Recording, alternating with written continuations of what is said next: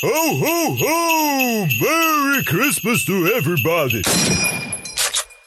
God jul underbara lyssnare! Bjällerklang, sång och fröjd för algerna. Detta lilla specialavsnitt sänds på julafton i nådens och coronans år 2020. Om du lyssnar på det på julafton så får du givetvis inte göra det under Karl-Bertil, eller hur Mattis? Nej, nej, det är en helig. Nej, men skit, för all, för all del, skit gärna i Kalanka. det bryr vi oss inte om. Ja, men det, det, det, det känns så konstigt att man fortfarande tittar på det. Men Karl-Bertil, det är klassisk sossepropaganda, det måste alla se. Ja, det blir bara vackrare för varje år. Jag kan liksom Ja, inte ens släppa det. Det, är, till och med så här, Fredrik Reinfeldt här, som är vår producent, tycker det är bra. I know it. I know it. Jag har närt en kommunist vid min barm!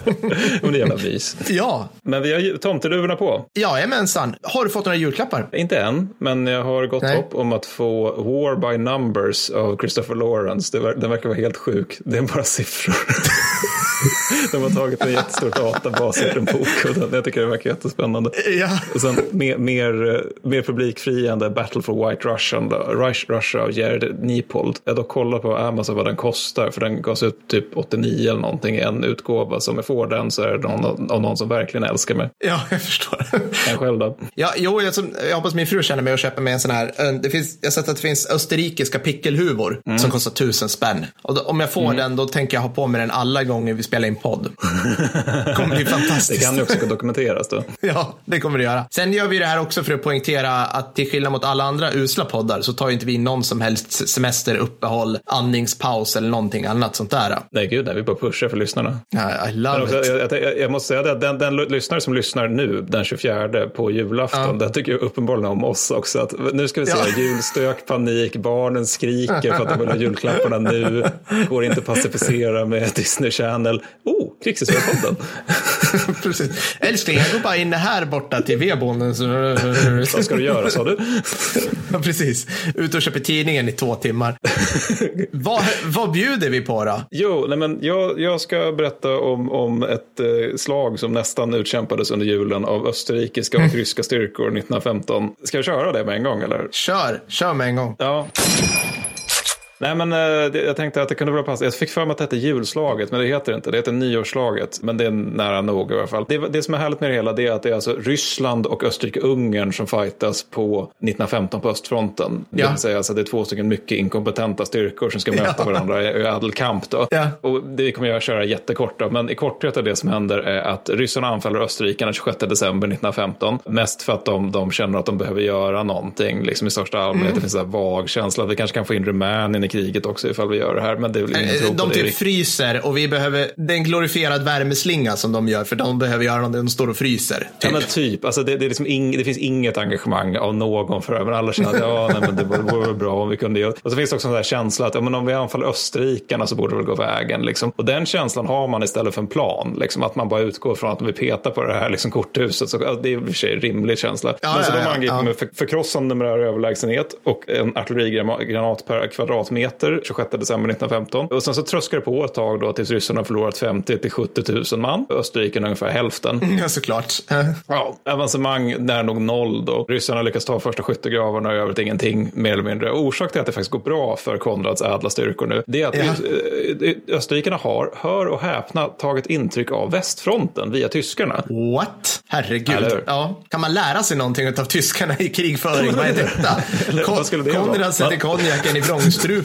Det här kan inte stämma. Ja, men lite så. Men så de har gjort så här helt sjuka grejer som att de har lagt ut mycket taggtråd. De har också grävt flera linjer av försvar istället för det som man kallade för ryssarnas citat barnsliga skyttegravar som ofta var förlagda liksom, så att man såg silhuetter från soldater på en kulle och sånt där. Och tyskarna kunde se ner i deras skyttegravar. Så. Ja. så har inte österrikarna gjort här. Och dessutom har de kraftsamlat massa artilleri. Ryssarna däremot, de har ju då lärt sig ganska lite vid det här laget. Så att eh, de tänker mest i termer att om vi har mer och fler av allt, alltså att om vi pressar in mer soldater och fler artillerigranater på samma yta, då måste det gå bra. Ja, ja, ja. Ja, ja nej, men precis. Så det lär väl lösa sig. Nej, men så man har liksom grupperat reserver för långt bak. Man har inte lagt dem i skyddsrum och sådär. Utan de får liksom glatt traska framåt genom granatregnet då, tills de når den första österrikiska ri- linjen. Och det är mest liksom av slump. Man har ju liksom inte rekognoserat speciellt mycket heller. Så att det är ofta en chock när man väl hittar österrikarna. Eh, begränsad initiativförmåga, nästan ingen samverkan med artilleri infanteri. Det är liksom hur man tänker sig ett ryskt anfall under första Ja, världskriget ja. i grund och botten.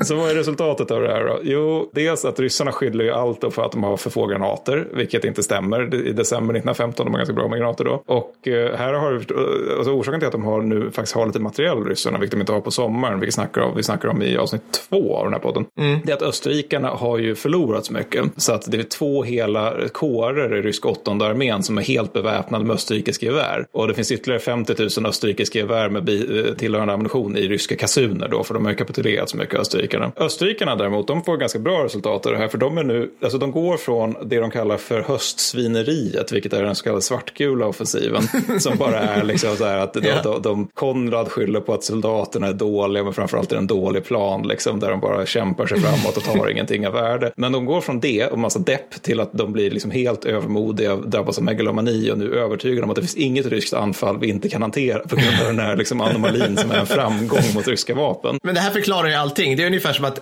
du, du menar att hela österrikiska försvarsmakten är liksom bipolär. Antingen är det ja. en sinnessjuk depprädd eller bara Wah!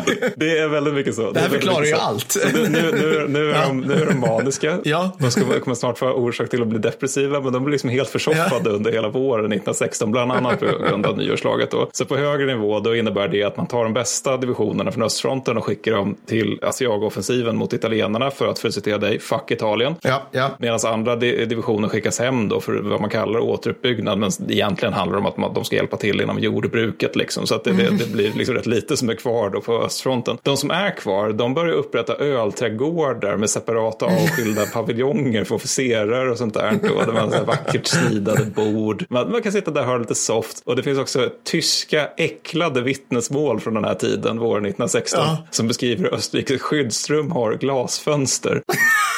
Och det kan ju inte stämma. Alltså, Men det är så typisk grej som preussarna påstår, de stackars österrikarna. Alltså, jag älskar ja. Österrikarna, det är verkligen Tysklands skåningar. Alltså, så den värsta avarten av liksom Österlen. Dekadens Österlen. Ja, jo, men det kan man ju hålla med om. Ja. Nej, men så, så, de har, så där är det liksom för österrikarna under våren 1916 och så, så skakas de ur den här villfarelsen om att de kan ta emot alla ryska anfall vid Brusilo-offensiven sommaren 1916. Ja. Och ja, det går ju som det går. Den har vi avhandlat i tidigare avsnitt. Mycket ja. bra. Ja. Så jag, jag, tror det, det, det är uh, nyårsslaget. Vi, vi kunde ju kört det här med liksom freden kring jul där 1914, men det känner ju alla till. Jag tänker att nyårsslaget är väl intressantare i så fall. Det är inte tillräckligt hipster för krigshistoriepodden, Mattis, att hålla på med det där. Det är fjanterier. Ja. Fantastiskt. Fredrik, får vi höra lite bjällerklang nu?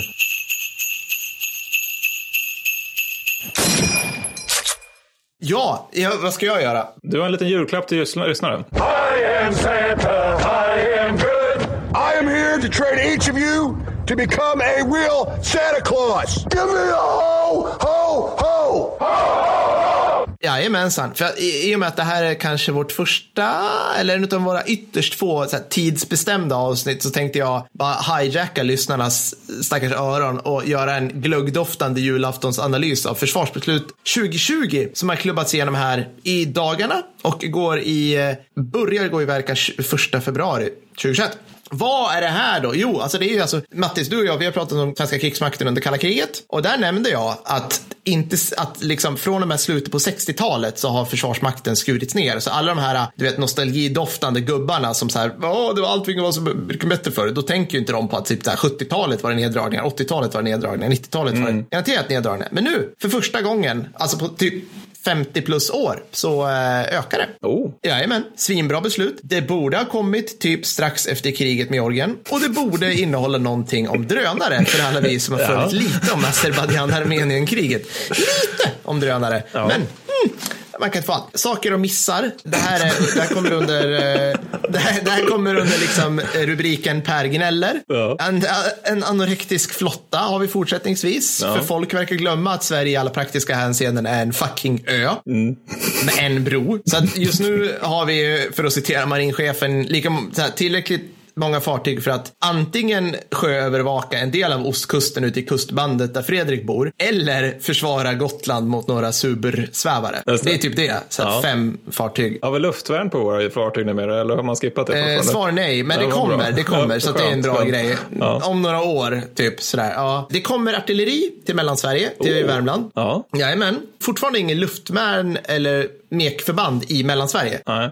Och det här är lite roligt, för någon gång när jag jobbade i Försvarsmakten, så jag jobba på ledare ett tag, och då, eh, då hade vi ett stridsfordon 90, ett stridsfordon 90 som var heltidsanställd med besättning där. Och det, jag räknade, alltså då var det det enda stridsfordonet i Mellansverige på fem regementen tror jag. Fyra eller fem regementen. Så det var den mellansvenska pansarnäven då? Det... Det var den mellansvenska, den vagnen och med, med sin skyttegrupp. Vi, och, och det här är kul med tanke på att vad är ryssarna kända för? Jo, de är kända för att släppa fucking stridsfordon från himlen i mass, en mass. Liksom att vad de än gör så tar de med sig stridsfordon. Ja. Så det finns inga mekband. Så jag säger typ så här, jag drar till med att återupprätta P10 tycker jag man borde göra. Och, att som, och de får ansvara för att utbilda och vidmakthålla en förstärkt eh, bataljon med typ luftvärn. För då har vi allting här. Nice va? Typ du vet där folk bor och rikets ledning och sådana här saker. Ah, Hamnar. Är hamnar bra i krigföring? Vad jag förstått de är helt onödiga. Det är väl mest sånt man bygger upp i fredstida dekadenta skäl för att man ska göra någonting med pengarna. Liksom. Det, Ja, precis. Sen kommer det, jo, just det, det kommer tre på riktigt nya regementen. Inte bara typ utbildningsplatser som man sen säger, det här blir ett regemente. Mm, ingenting praktiskt. Det, hörs ing, det höjs ingen krigförande förmåga, utan det bara blir så här en, en administrativ. Så tre nya regementen på platser där ingen vill bo, där det inte finns något jobb. Eh, typ, nej men liksom, okej det är där till och med. Falun det är helt stort, men liksom Sollefteå och typ Villingsberg, bara, mm, men det kanske kan skapa jobb. Det är kanske så man tänker. Att det ska liksom bli någon form av Ja. byggsossemys över det hela. Alla kan bli officerare i Sollefteå nu. Precis. Eller starta ta, Ja, precis. Min, min fru ska flytta hit. Hon ska starta pizzeria samtidigt som jag jobbar på regementet. Vad kan gå fel? Jag kan också ta på mig foliehatten och säga nu att alla de här kommunerna som får de här nya regementena Ja. styrs då utav Mattis, let me hear it. Sossarna! Sossarna. Fredrik, lägg in ljudet av Göran Persson som sågar Carl Bildt. Men en annan sak också att jag är naturligtvis gynnad nu av att Bildt så, säga, är så jävla dålig. Va? Och det är klart att eh, jag undrar vad han ska ta vägen killen. Jag undrar vad han ska göra. Karl har ju inget jobb.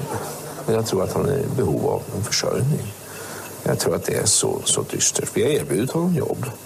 Och eh, han har tackat nej till dem. Eh, riksdagsjobbet är ju också ifrågasatt. Det missköter han ju. Så han bränner ju sina vänner.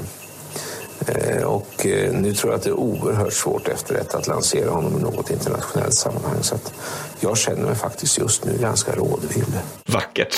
Ja, ja, underbart. Ja, och inget, inget skriker ju satsa på en karriär i Försvarsmakten som typ pissiga löner, försämrade pendlingsmöjligheter och förmånsbeskattning av allt. Och inget luftvärn. Och inget luftvärn. Nej, precis.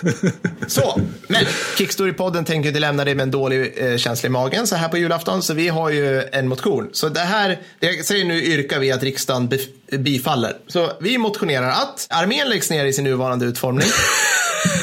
Ja.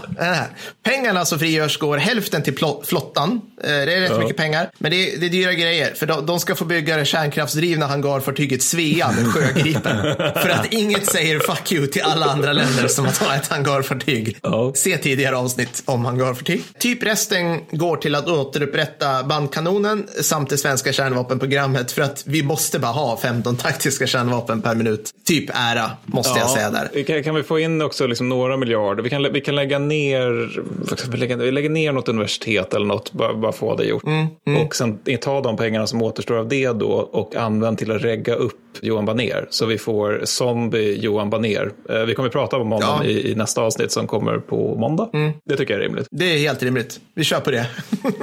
De pengar som blir över ska gå till att utrusta varje svensk man som gjort värnplikten medelst ett styck medeltung bandmatad kulspruta att ta hemma. I krigsfall kan schweizarna, kan vi, fast bättre.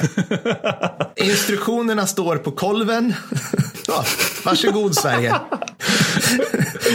och med det önskar vi god jul och vi har Patreon. Och det är fantastiskt för att vi kommer producera fler avsnitt än vad vi gör för våra patrons. Så gå in på patreon.com. Det här är vi glada över. Nu låter vi inte glada, men vi är glada.